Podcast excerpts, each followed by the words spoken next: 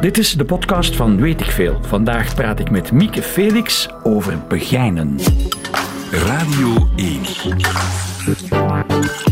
Koen Filet. Weet ik veel?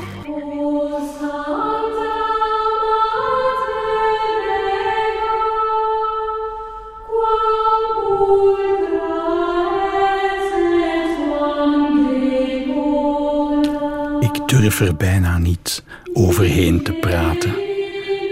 Zo mooi.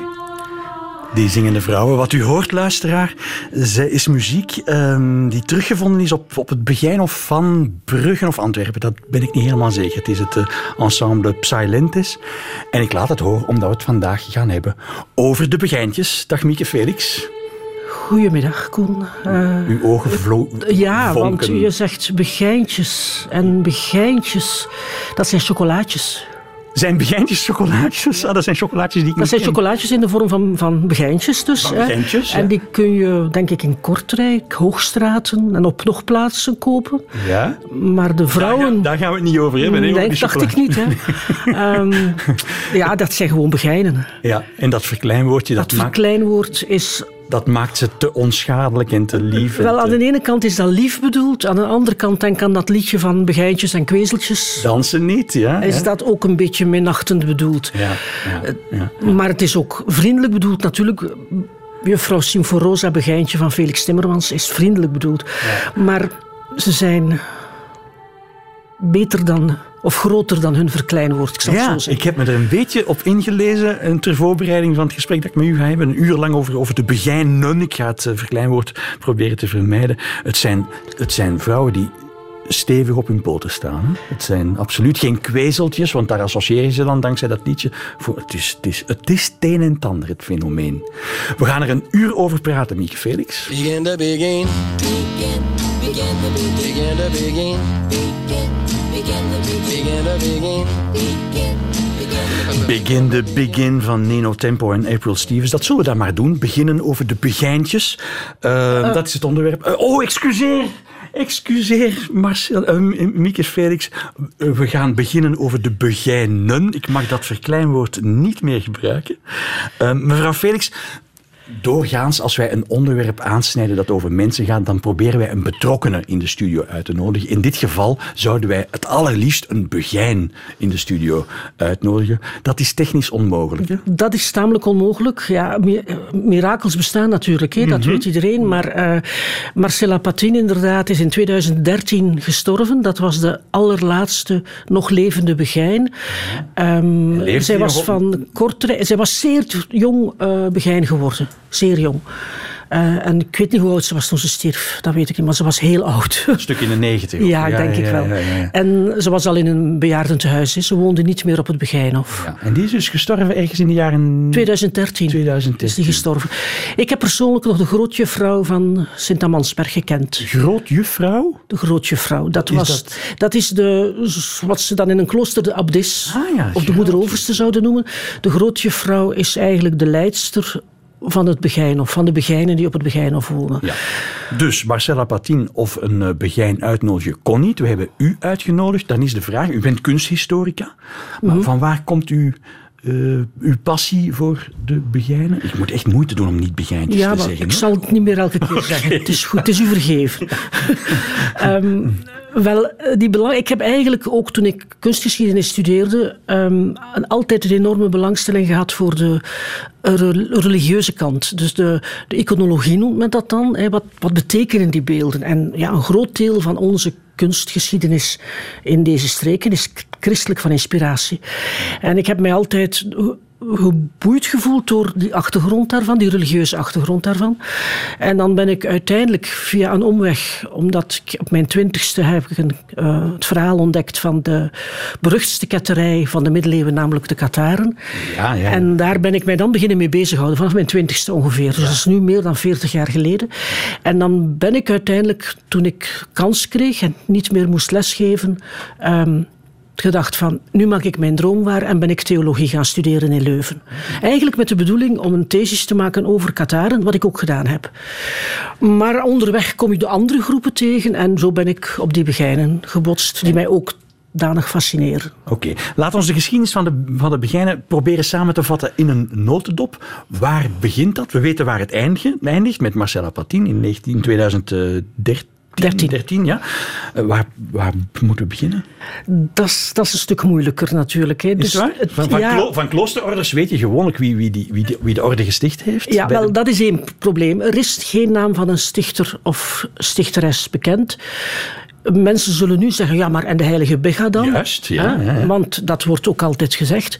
Het lied dat we daar straks hoorden was trouwens- Misschien mag ik straks dat verhaal van de heilige Bega vertellen. Ik zou nu eerst de realiteit even... Ik zou het liever opsparen, Ah, ja, ja, ja. omdat het dan een beetje verwarrend wordt. we misschien. sparen de heilige Bega op. Maar Eh, dat- ja. Dus ik zou het, wat, wat is er in werkelijkheid gebeurd in de 12e eeuw, die een zeer belangrijke periode in onze geschiedenis is? En, eh, men noemt dat vaak, en ik denk terecht, eh, de eerste renaissance. Eh, dat is een enorme culturele bloei in die periode. Ehm, dat heeft zijn voordelen, uiteraard. Het, het is ook omdat het iets dat we nu kennen, het klimaat gaat vooruit. Vanaf na het jaar 1000 komen we uit een kleine ijstijd, dan wordt het warmer en wordt het beter, de oogsten gaan beter enzovoort enzovoort. Dus alles begint beter te gaan. Dat heeft gevolgen ook op cultureel vlak, ja, omdat er dan niet meer zoveel handen nodig zijn om dat eten uit de grond te trekken. tijd- als het ware. tijd en energie Er komt vrij tijd en energie vrij, ja, voilà. ja, En dat zie je dus ook, eh, je ziet dan van alles gebeuren, ehm, onder andere de steden die weer beginnen te bloeien. En de Begijnenbeweging is eigenlijk een stadsfenomeen. Dat heeft onder andere te maken met het feit dat jonge mensen, zeker in onze streken, op een bepaald moment eh, niet meer in die grote boerderij blijven wonen op het dorp, maar naar de stad gaan. En daar alleen, als alleenstaande, eigenlijk beginnen te werken en beginnen te sparen om op termijn een huishouden op te starten. Ja, ja. En dan zie je dat jonge mannen en jonge vrouwen in de stad gaan wonen. En als ze elkaar vinden en trouwen en een gezin kunnen stichten, oké, dan is het in orde. Maar als je alleen blijft, is dat voor een vrouw een groter probleem dan voor een man. Ja. Zeker op iets oudere leeftijd.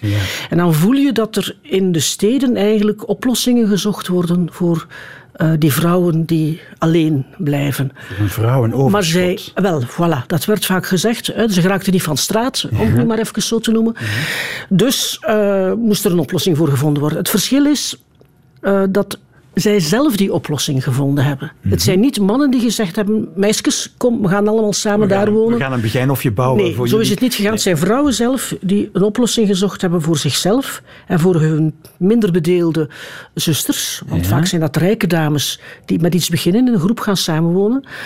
En die betrekken daar dan vaak, en op termijn nog meer, ook de armere vrouwen bij. Ja. Maar er is een tweede luik, Wel, dat u- is de religie. Ik, wou het net zeggen, u, u, praat over een, een sociaal probleem, over een sociaal-economisch probleem, waar een oplossing voor gezocht wordt. Maar, maar ja, het, het is toch in eerste instantie een religieuze beweging, groepering. Enfin, ja, de terminologie is een beetje lastig. Orde? Orde zeker niet, hè? Nee, het is geen orde, maar het- ik weet niet of je moet zeggen dat het in eerste instantie een religieuze beweging is. Dat was het ook. Hè. Die twee aspecten ontmoeten elkaar in de Begijnenbeweging, maar ik denk dat je die sociale eh, en economische dingen niet mag onderschatten.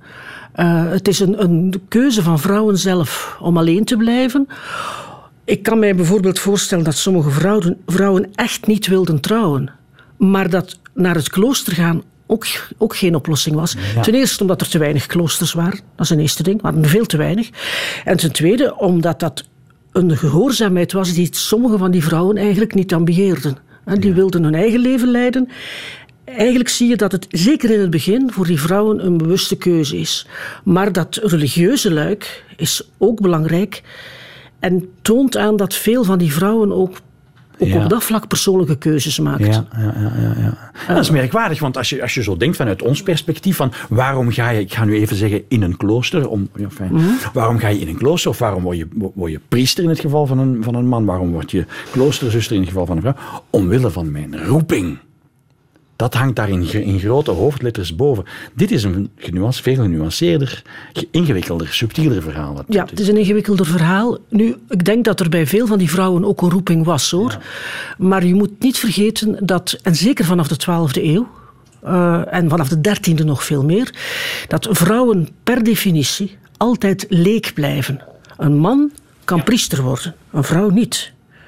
Dat is een grote vergissing volgens mij van de katholieke kerk. En die, dat verergert. Dat is ook het wat wij vaak niet beseffen. De situatie van de vrouw gaat niet sprongsgewijs vooruit tot het toppunt in onze tijd, zeg maar. Maar dat gaat dus meer processie van Echternach.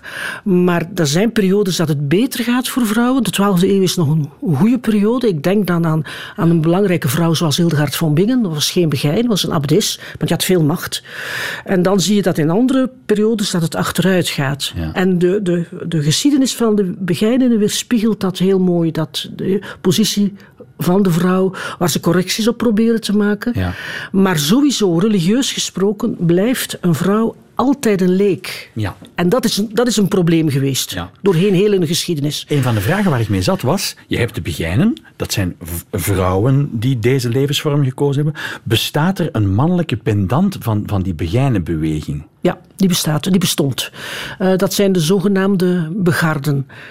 En in sommige streken in het zuiden ehm, spreekt men bijvoorbeeld van, eh, in het Frans bijvoorbeeld, in Zuid-Frankrijk is er ook een beweging geweest. Eh, dat waren de begijnen, mannelijk en vrouwelijk. Dus in het Frans is dat les béguins en les béguines. Oké. Eh, Ja, ja, ja. Maar bij ons en in Duitsland worden de mannelijke groepen begaarden genoemd. Dus dat is een gelijkaardig ding. Leken die zich ten dienste willen stellen van de samenleving Ja, voor een deel.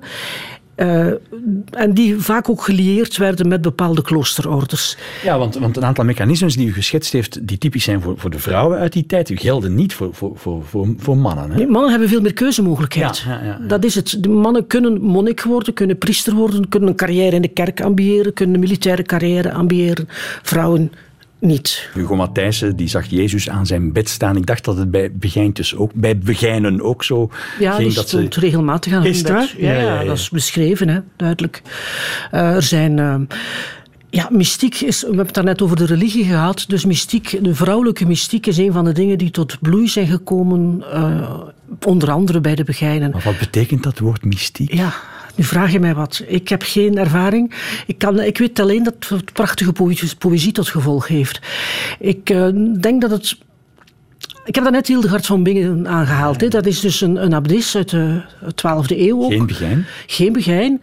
Eh, een zeer verstandige vrouw die ook steun had gezocht bij Bernardus van Clairvaux of ze haar visioenen mocht naar buiten brengen. En Bernardus had gezegd, doe maar. Dus ze heeft dat gedaan. Ehm, die visioenen, ik heb ze niet allemaal gelezen hoor, maar toch enkele, denk ik dat is een manier om op beelden, in beeldende taal theologie te proberen uitleggen. Dus ik weet niet in hoever dat echte visioenen waren. Als je dan kijkt naar wat in de wereld van de begijnen, de mystiek, wat men dan de vrouwelijke mystiek noemt, dan zie je dat daar een passie in zit, een hartstocht, een eros, letterlijk. Eh, u- ik hoop dat vele luisteraars zich nog op, van op school Hadewig herinneren. Ik, ik, ik dat in is het geval wel, ja. schoolvoorbeeld natuurlijk, maar zo zijn er nog die dus op een hartstochtelijke manier beschrijven hoe ze in hun lichaam en ziel één worden met God. Ja, dat, dat is een, En hoe beetje gebeurt dat? Ik sla me dood, ik weet het niet. Nee, omdat u maar ze beschrijven het wel ongelooflijk eh, indrukwekkend, zodat je het zelf bijna voelt als je het leest. Het is liefdespoëzie, het is erotische poëzie misschien zelfs, maar het, het eh, object van de liefde en van de erotiek is, eh, is Jezus of God. Of, Ja, is Jezus of God? Voor een deel zijn zij zijn geïnspireerd door, op dat moment denk ik, door twee belangrijke bronnen. Ene is de Bijbel, natuurlijk het Hooglied, wat een liefdeslied is, hè, waarvan men zich soms afvraagt hoe dat in de Bijbel terechtgekomen is, maar wat altijd ook symbolisch begrepen is, zowel door de Joden als door de christenen. Zeg maar, wat, wat, wat, wat, nu ver- vertelt, dat is niet typisch voor begijnen. Want die Hildegard van Bingen is, is Nee. geen begijn. Maar Hildegard van Bingen, nou, wat ik nou zeggen, was volgens mij een ander soort mystiek. Die hartstocht komt daar bij haar nog niet zo duidelijk. Terwijl... Er is een bepaalde begijnenmystiek, toch? Je ziet dat toch evolueren. Niet dat al die vrouwen... Er is discussie, hè. Je Gaat dat no- We weten bijvoorbeeld, bijvoorbeeld zeer weinig over het leven van Hadewig. Dus volgens sommige specialisten was dat zeker een begijn, een vroege begijn. Niet in een begijnhof, maar in een gewoon woonhuis met enkele vrouwen samen. Volgens anderen, nee, was zij ook in een, betrokken bij een Cisterciënserabdij. Dus de discussie is omdat we van haar leven niks weten. Ja. Dus dat is heel moeilijk. Ja. Van anderen weten we tamelijk zeker dat ze begijn waren. Eh, en dat heeft zich verder ontwikkeld.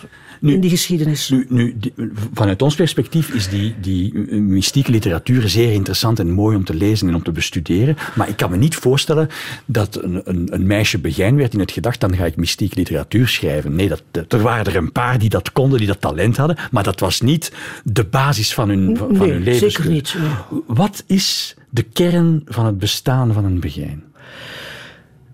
Wel, wat, voor een deel wat ik daarnet al gezegd heb, als alleenstaande vrouw door het leven kunnen gaan, Ja. in een periode dat dat moeilijk was, steun zoeken en vinden bij elkaar, in eerste instantie in gewone woonhuizen, in een latere fase in wat wij nu kennen als de Begijnhoven. En daar ontstaat ook een vorm van ehm, solidariteit. Men noemt dat de Heilige Geesttafels, hè, waar bijvoorbeeld eh, je hebt eh, eh, de mogelijkheid om bezit te hebben bij een begijnen. Dus de kloosterzuster doet een gelofte van armoede. Ja. Die heeft geen persoonlijk bezit. een begijn mag bezit hebben. Oké. Dus sommigen zijn rijk genoeg en hebben een huis verworven op het hof. Of hebben dat kunnen betalen. Anderen hebben dat niet. Die gaan dan in een convent wonen met een aantal vrouwen samen. Maar die moeten werken om zich in stand te houden. Ja. En er is een gevoel van solidariteit. Wie het werkelijk zeer moeilijk heeft, of omdat hij ziek is of, of, of gehandicapt of, of te oud geworden is om nog te werken, dan is er een mogelijkheid tot ondersteuning. Ik zou zeggen, een, een voorloper van het OCMW. Ja, ja. En heel dat zelfbedruipende systeem wordt door vrouwen gerund en door vrouwen in stand gehouden. Maar dat zelfbedruipende, dat fascineert mij wel. Want er zullen inderdaad wel eh, vrouwen zijn, begijn, begijn geworden zijn die rijk geboren zijn. Eh, maar, maar er is een economische motor nodig. Wat, Ja. wat was die economische motor? Waar, waar, waar hielden zich- economische motor is in veel steden eh, textielindustrie. Vaak tot spijt van de textielarbeiders in de rest van de stad. Want die moesten belastingen betalen en de begijnen waren daar heel vaak van vrijgesteld. Daar waren af, afzonderlijke regelingen voor die groepen vrouwen. Als ze zich dus in een begijn of als dat moest gebouwd worden, werden zij naar de rand van de stad geduwd, maar toch aan een waterloop, want je hebt, je hebt water nodig om, om veel, vele redenen, maar onder andere ook voor die textielarbeid die zij vaak verrichten. Dus eh, zij deden een aantal dingen die ook door anderen in de stad gebeurden. Zoals u het beschrijft, eh, wordt het mij duidelijk dat als je begijn werd, dat je niet buiten de samenleving ging staan. Nee. Zoals het in een klooster soms wel het geval is. Nee, je, je, je was een economische factor, je zat midden in de stad, je, je leefde het volle leven. Eh, ja, dus het is, het is niet je terugtrekken uit de wereld. Het is, maar dat was dus het grote probleem in latere periodes. Is dat een groot probleem geworden? Wat zijn ze nu? Zijn het geestelijken? Dan moeten ze zich terugtrekken uit de wereld. Ja. Of zijn het leken? Ja, maar ze woonden wel aan de rand van de stad in een gesloten hof dat dichtging s'avonds, waar mannen niet mochten overnachten. Zelfs de pastorie van de pastoor eh, had vaak een opening alleen naar de, naar de, de buitenkant. niet naar de-. En niet naar het begijn of zelf. In latere periodes zie je dat veranderen hoor, maar bon. Eh, dus wat zijn ze nu? Eh, zijn ze geestelijke of zijn ze leek? Ze leven in een samenleving, ze werken. Ja. Dus textiel heb ik al gezegd. In een latere fase wordt dan voor het kantklossen. Ja. Ook er zijn de meeste begijnhoven, om niet te zeggen allemaal, hadden boerderijen. Ah, ja, ja, Waar dus ook gewerkt werd. Waar dus, er lopen koeien en, en varkens en weet ik veel wat rond op de weiden in het begijnhof zelf. Dus het is inderdaad een economische gemeenschap die zichzelf onderhoudt. En steun verleent aan de zwaksten onder hen. Ja, en die in periodes in de geschiedenis vervolgd zijn. Daar moeten we het zo meteen zeker over hebben. Dansen is onze regel niet. Begijntjes en kweerselkunst dansen niet. Mieke Felix, we praten een uur lang in weet ik veel over de begijnen. Ik eh, zeg niet begijntjes, want ze zijn Ja, ze zijn het eh, waard om zonder verkleinwoord aangesproken te worden. Eh, ik, ik zei daarnet al even, ze zijn vervolgd in bepaalde periodes van de geschiedenis. En we hebben al een paar begijnen bij naam genoemd. Marcella Patin, dat was de laatste die gestorven is in 2013. We hebben Hadewijk genoemd, die waarschijnlijk mogelijk een begijn was. Een derde naam die we zeker moeten laten vallen is Marguerite Porrette. Op de brandstapel gezet, ik weet niet precies in welk jaar, ergens in de 14e eeuw, denk ik. begin- 14e eeuw, begin 14e eeuw. eh 1310. Margaret Porret, wat werd haar verweten? Wel, wat werd haar verweten? Ehm, zij was dus de auteur van een mystiek traktaat, om dat nu maar even zo te noemen. Een heel mooi boekje waarvan we pas in de 20e eeuw ontdekt hebben dat we het nog altijd hadden. Ah ja. Heel raar. Men, dat is dus misschien iets dat je vooraf moet beseffen. Men beschuldigt mensen van ketterij, in dit geval Marguerite Porret, om iets wat zij zou geschreven hebben. Ja. En dan, vele eeuwen later, eh, ontdekken wij dat we dat boek nog in een aantal exemplaren hebben. En hoe kan dat nu? Is dat dan niet verbrand? Ja, dat is verbrand, maar blijkbaar zijn er nog exemplaren die bleven circuleren. En men heeft het bewaard, omdat sommigen zelfs dachten dat het eh, van een grote theoloog was, Jan van Rusbroek, om maar iemand te noemen.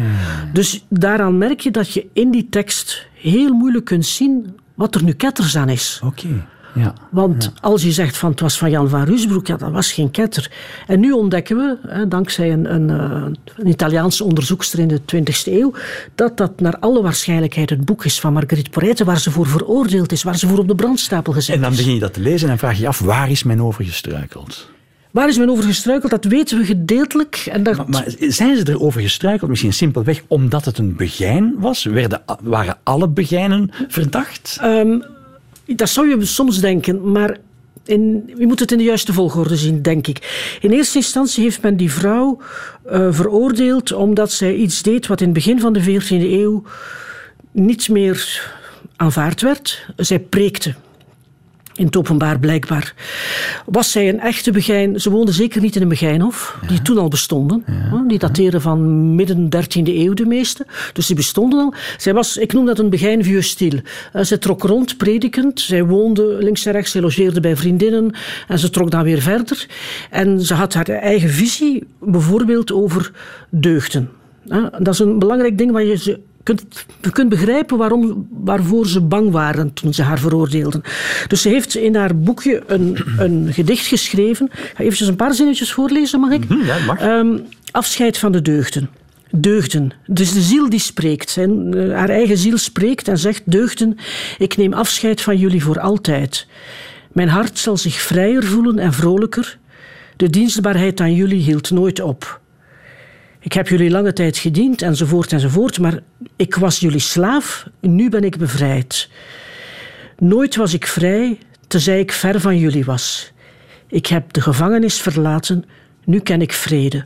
Dat zegt zij aan de deugden. Ja, ze, deugden ze afscheid van de, de, van de deugden. Deugden beoefenen is de basis van het ker- kerkelijk eh, Ja. gebruik, zal ik Ja, maar zeggen. ja, niet zozeer van het geloof, maar wel op die manier kom je in de hemel, hè, door Ja, deugdzaamheid precies, te beoefenen. En zij zegt, ik doe dat niet meer. Daar is men over gevallen en dat weten Omdat, we. dat- omdat dat klinkt van, ik ga mij overgeven aan de zondigheid. Want Voilà. dat staat tegenover. Dat klinkt zo, ja. Ja. Dus dat weten we omdat het in haar proces gezegd werd. Er zijn een aantal dingen bewaard van haar proces waarin dat letterlijk gezegd wordt.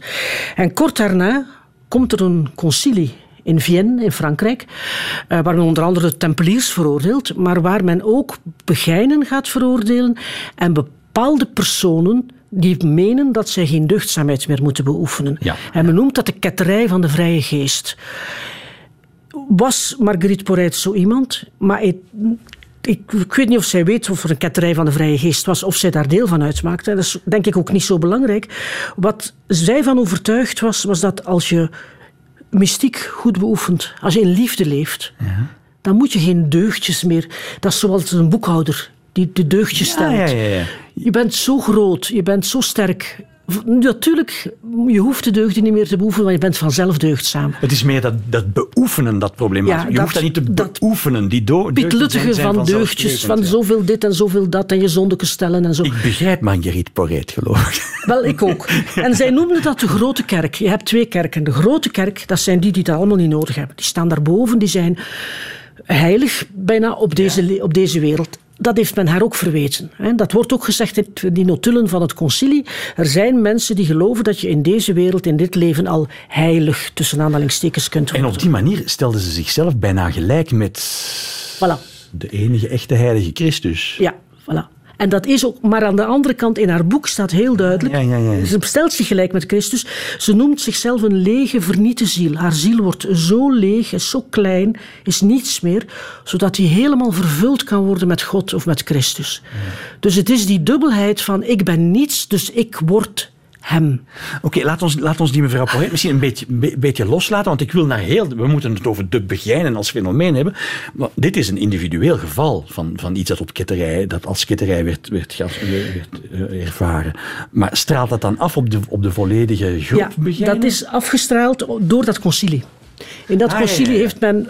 Je voelt heel duidelijk dat in die paar eh, notulen...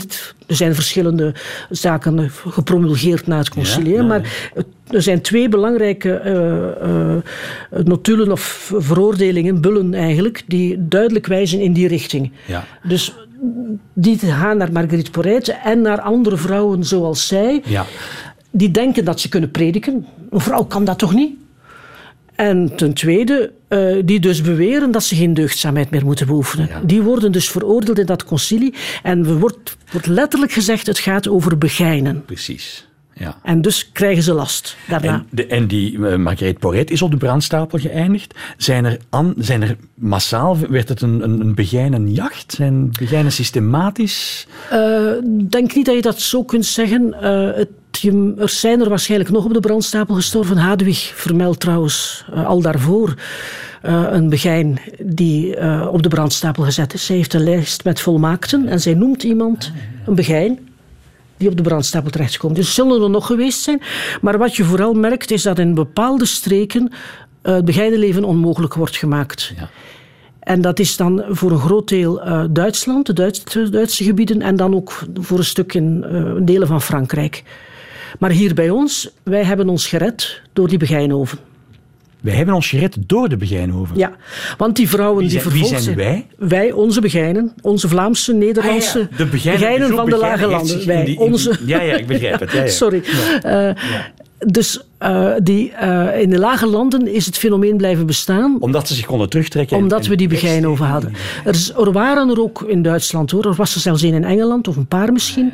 Er waren er ook in Noord-Frankrijk. Maar je voelt in de streken daarbuiten, buiten de lage landen, een zeer verstedelijkt gebied was het systeem anders en waren het, die veel kwetsbaarder. Ja. Om, omdat die rondtrokken, geen vaste woonsteden, vaak bedelden ook om voor, voor inkomen. En die zijn geleidelijk buiten gewerkt eigenlijk. Mieke Felix, over de begijnen. Weet ik veel over de begijnen. Uh, daar straks heeft u zelf gezegd, helemaal in het begin van het gesprek, toen de, de naam van de heilige Bega viel, van, wa, wa, wa, Koen, mag ik die even opzij zetten? Mag ik straks het verhaal van de heilige... We dreigen ze te vergeten, de heilige Bega. Ja, we dreigen ze te vergeten. dat lied, dat, dat begijnen lied waar we mee begonnen, dat, dat ging over de heilige Bega. Ik ging ervan uit dat dat de, de stichtster van nu ik allemaal verkeerde termen, van de kloosterorde der Begijnen was. Maar dat is dus helemaal niet waar. Nee, dat, dat is niet waar, maar men heeft dat dus lang gedacht. Uh, dat idee is ontstaan in de 17e eeuw. Nu, de 17e eeuw, na de godsdiensttwisten, uh, dan geraken wij weer onder Spanje en onder ja. Albrecht en Isabella. En die hebben heel veel steun geleverd voor alle katholieke heropleving die er maar kon zijn. Onder andere voor de Begijnhoven. Okay, ja, ja, Isabella vooral. En je ziet dus in dat uh, Begijnhoven uitbreiden, heel veel succes kennen. Er komen veel nieuwe huizen bij. Dus als je nu door een Begijnhof wandelt, de oudste woningen die er staan zijn meestal uit de 17e eeuw. Vaak wordt ook de kerk opnieuw opgeknapt uh, enzovoort. In die periode uh, denkt men zeer modern, zeer wetenschappelijk uh, en men gaat op zoek naar een stichteres. Men wil uh, iemand hebben op wie men zich kan, uh, ja. aan, aan, wie men zich kan toevertrouwen. Je hebt die gezicht nodig. Hè? Ja, ja, je hebt, ze hadden dat eigenlijk al. Ze hadden een massa heiligen die ze vereerden. Onder andere onze lieve vrouw natuurlijk, Maria Magdalena, zeer geliefd. Uh, maar je en kan, nog niet andere. zeggen, je kan niet zeggen, Maria Magdalena voilà, is de, sticht, je kan niet zeggen dat, van onze dat En dus zochten ze naar een stichteres. En hadden ze de perfecte kandidaat. Het was dus uh, uh, de hertogin van Brabant, de zus van een heilige, Gertrudis, die ook al vereerd werd door de Begijnen. Uh, belangrijke stamboom in gang gezet, die gaat naar de Carolingers uit ja. de zevende eeuw. Mooi, en de naam klopt perfect. Hè? Het enige ja. probleem is dat Begijn je dat normaal met één G schrijft, maar in die tijd stak dat zo nauw niet. Dus je hebt Begijnhoven, waar er op de, boven de poort staat Begijnhof, met twee G's omdat, het, Zoals omdat het verhaal moet kloppen. Ja, ja. Maar uh, in die tijd waren er nog geen begijnen. Met alle respect voor mevrouw Bega, uh, die heeft echt bestaan. Maar ze heeft zeker de begijnenbeweging niet gesticht. Dat is iets dat ten vroegste misschien in de 11e eeuw, maar zeker in de 12e eeuw zichtbaar wordt. Dus men moest een stichteres hebben en men heeft iemand gevonden.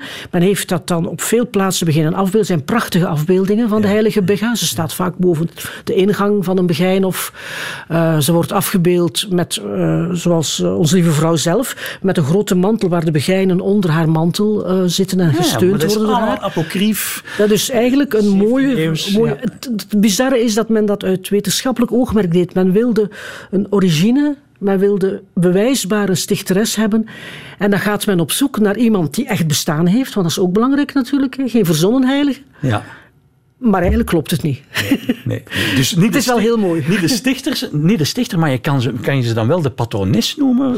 Ja, dat wel. Hè. Ja. Vanaf de 17e eeuw wordt ze gezien als de patrones. Ik vraag het maar omdat het zo op Wikipedia staat. Het is niet dat ze dat moeten schrappen. schrappen dat mag wel Niet meteen. En je zult ook in veel begijnhoven uh, of kerken... Uh, afbeeldingen. Bijvoorbeeld in het hele mooie Begijnhof Museum in Turnhout is er een zeer mooie afbeelding van uh, de heilige Begga. Er zijn ook een aantal legendes over die te maken hebben met haar ja. uh, leven, haar weduwschap enzovoort. Want dat is het ook. Een vrouw die weduwe was, is natuurlijk iemand ook die uh, zeer gegeerd is om naar een begijnhof te gaan. Dus dat was een mooi model. Ja, helaas. Maar helaas verhaal. historisch niet, waar, ja. niet juist. Dan blijf ik wel zitten met de vraag waar dat woord begijn vandaan ko komt. Ja. Dus niet van de heilige Begga. Nee. Waar dan wel vandaan? En sla me dood, ik weet het ook niet waar het jammer. vandaan komt. Nee, niemand weet het. U zit hier omdat u alles weet, hoor. ja. Nee, dus uh, dat weet... Uh, er is lang gezegd uh, dat het een verbastering zou zijn van het woord albigens. En les albigeois, dat zijn dus de Kataren. Hè? Dus mijn geliefde Kataren, zeg ik vaak. Uh, men heeft daar opzoekingen naar gedaan. Filologen hebben zich daarover gebogen. Het schijnt dat dat niet kan. Dat het woord albigens vervormd geraakt tot begijn. Hmm. Dus dat zou niet kloppen. Wat dan wel?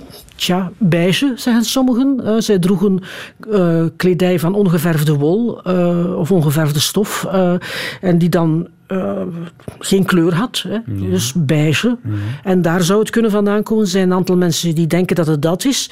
Ik neig meer naar het, idee dat het komt van um, to beg, in het Engels. Uh, bedelen. Vragen, bedelen, prevelen. En dat heeft voor een deel ook de karikatuur gemaakt van begijnen. Dat zijn die die altijd maar aan het prevelen zijn. Vrede zij u en God zal u lonen. Maar ondertussen zijn ze wel heel hypocriet. En zijn geen brave nonnekes. Wat doen die daar allemaal? Dus er zit daar een, een dubbelzinnige spot achter. Uh, van het zijn prevelende bedelaars. In sommige streken, dat heb ik gezegd, bedelen ze ook. Ja, ja. Bij ons minder, omdat ze in die Begijnhoven woonden. Niet eigenlijk. Ja. Maar dat is een soort geuzennaam bijna, vermoedelijk. Van begin af spottend bedoeld. Maar die ze dan op zich genomen hebben en die dan uiteindelijk verworden is tot begijntjes. Maar je zit er maar een slag naar te slaan. Eigenlijk, nee, ik zit er niet een slag naar te slaan. Ik heb dat allemaal gelezen. Ja, ja oké. Okay. Maar, men, men, maar eigenlijk weten we het weet, niet. Eigenlijk men, weten we het men niet. Weet het niet. Je moet dat ook durven zeggen gewoon. Ook op de radio. Ik weet het niet. Het uur, weet ik veel, is bijna achter de rug. Eén klein detail rest er mij nog, namelijk examen doen. De geschiedenis heeft mij geleerd dat ik daar niet zo geweldig goed in ben. Maar ik begrijp ondertussen, Mieke Felix, uw passie voor die begijnen wel. Hoogst interessante dames. U heeft een aantal vragen voor mij klaar liggen? Ja. We gaan eraan beginnen. Um, vraag 1. Ja. Hoe heten de mannelijke begijnen? Dat weet ik nog. De Begard. Of Begards. Iets in die streek. Begarden, ja. Begarden, dat is ja. juist. Ja. Oké. Okay. Vraag 2 dan. Ja. Waarvoor is Marguerite Porete veroordeeld? Niet omdat ze begijn was, hè. omdat ze predikte en omdat ze um, de deugden uh, afwees. Mm -hmm. Is, Mooi. Is dat juist? Ja. Ze, ze werd beschuldigd van ketterij. Hè? Dus, ja, ja, terecht, dat ja. was een vergaarbak waarin je een aantal ja. dingen kon gooien, onder andere. Die deugden dat. toch, hè? Ja. Die deugden, inderdaad, ja. Okay. Het geloof in de grote kerk. Goed. En wat bedoelden ze daarmee? Met die grote kerk? Juist. De, de, je had de kleine kerk en de grote kerk. De kleine kerk is de klassieke kerk zoals we ze kennen. En de grote kerk, dat is de kerk die bestaat uit, ja, uit vrouwen zoals, en uit mensen zoals zij, die, die die deugdzaamheid, die vanzelfsprekende deugdzaamheid bereikt hebben. Die zuiverheid van de ziel bereikt hebben. Ja, ik praat er maar een beetje omheen. Want... Zo, zoiets, ja. Zo. Het zijn niet alleen vrouwen, hè. Het is dus nee, nee, vrouwen en mannen, uh, Degenen die uh, in liefde leven en vandaar zich niet meer moet bekreunen om Ja. al die detailtjes. Ja, bij zo'n examen moet, is het ofwel juist ofwel fout. Was ik juist of was het fout? Ja, het zijn geen meer keuzevragen. Hè? Nee, nee, was het juist of was het fout? Het was juist, Ah, ja, het was juist maar eh, het was niet volledig. Hebt u nog een vraag of zijn we er? Nee, eh, waarom zijn er in de lage landen minder begijnen veroordeeld of waarom zijn ze hier kunnen blijven bestaan dan in de omringende landen? Omdat ze zich konden wegsteken in hun begijnhoven. Die waren er eh, in andere landen minder, of niet? Ja, dat was eh, een deel van. ze konden zich wegsteken en ze zaten onder de bescherming ook, maar dat heb ik er niet bij gezegd daarnet. Van. Eh, Dominicaner, orde, pastoors enzovoort. Die zorgden dat het, dat het in orde was. Mevrouw Felix, dat stond niet in de cursus. Dat stond niet in de cursus, je hebt gelijk. Oké, heb ik Dus vier of vier gescoord? Ja, alleen 3,75. Oké, daar ben ik gelukkig mee. Zeg, mevrouw Felix. Maar ik heb nog een vraag. Ah ja, oké, excuseer. Ja, oké. Wat goed. zijn de heilige geesttafels? Dat is het extraatje waardoor je kunt grote, grootste onderscheiding Ik krijgen. herinner mij dat u het woord heeft laten vallen en ik weet het niet meer. Wat waren de Heilige Geest dan? Voorlopers van het OCMW. Ah, ja, ja, ja, ja. ja. Dus een, een soort leenbank eigenlijk voor, om arme begijnen te helpen. Vier op vijf. Radio 1. Weet ik veel? Dit was een podcast van Weet ik Veel. We hebben er een hele reeks. En in de zomervakantie kan je Weet ik Veel op Radio 1 beluisteren. Elke weekdag tussen 12 en 1.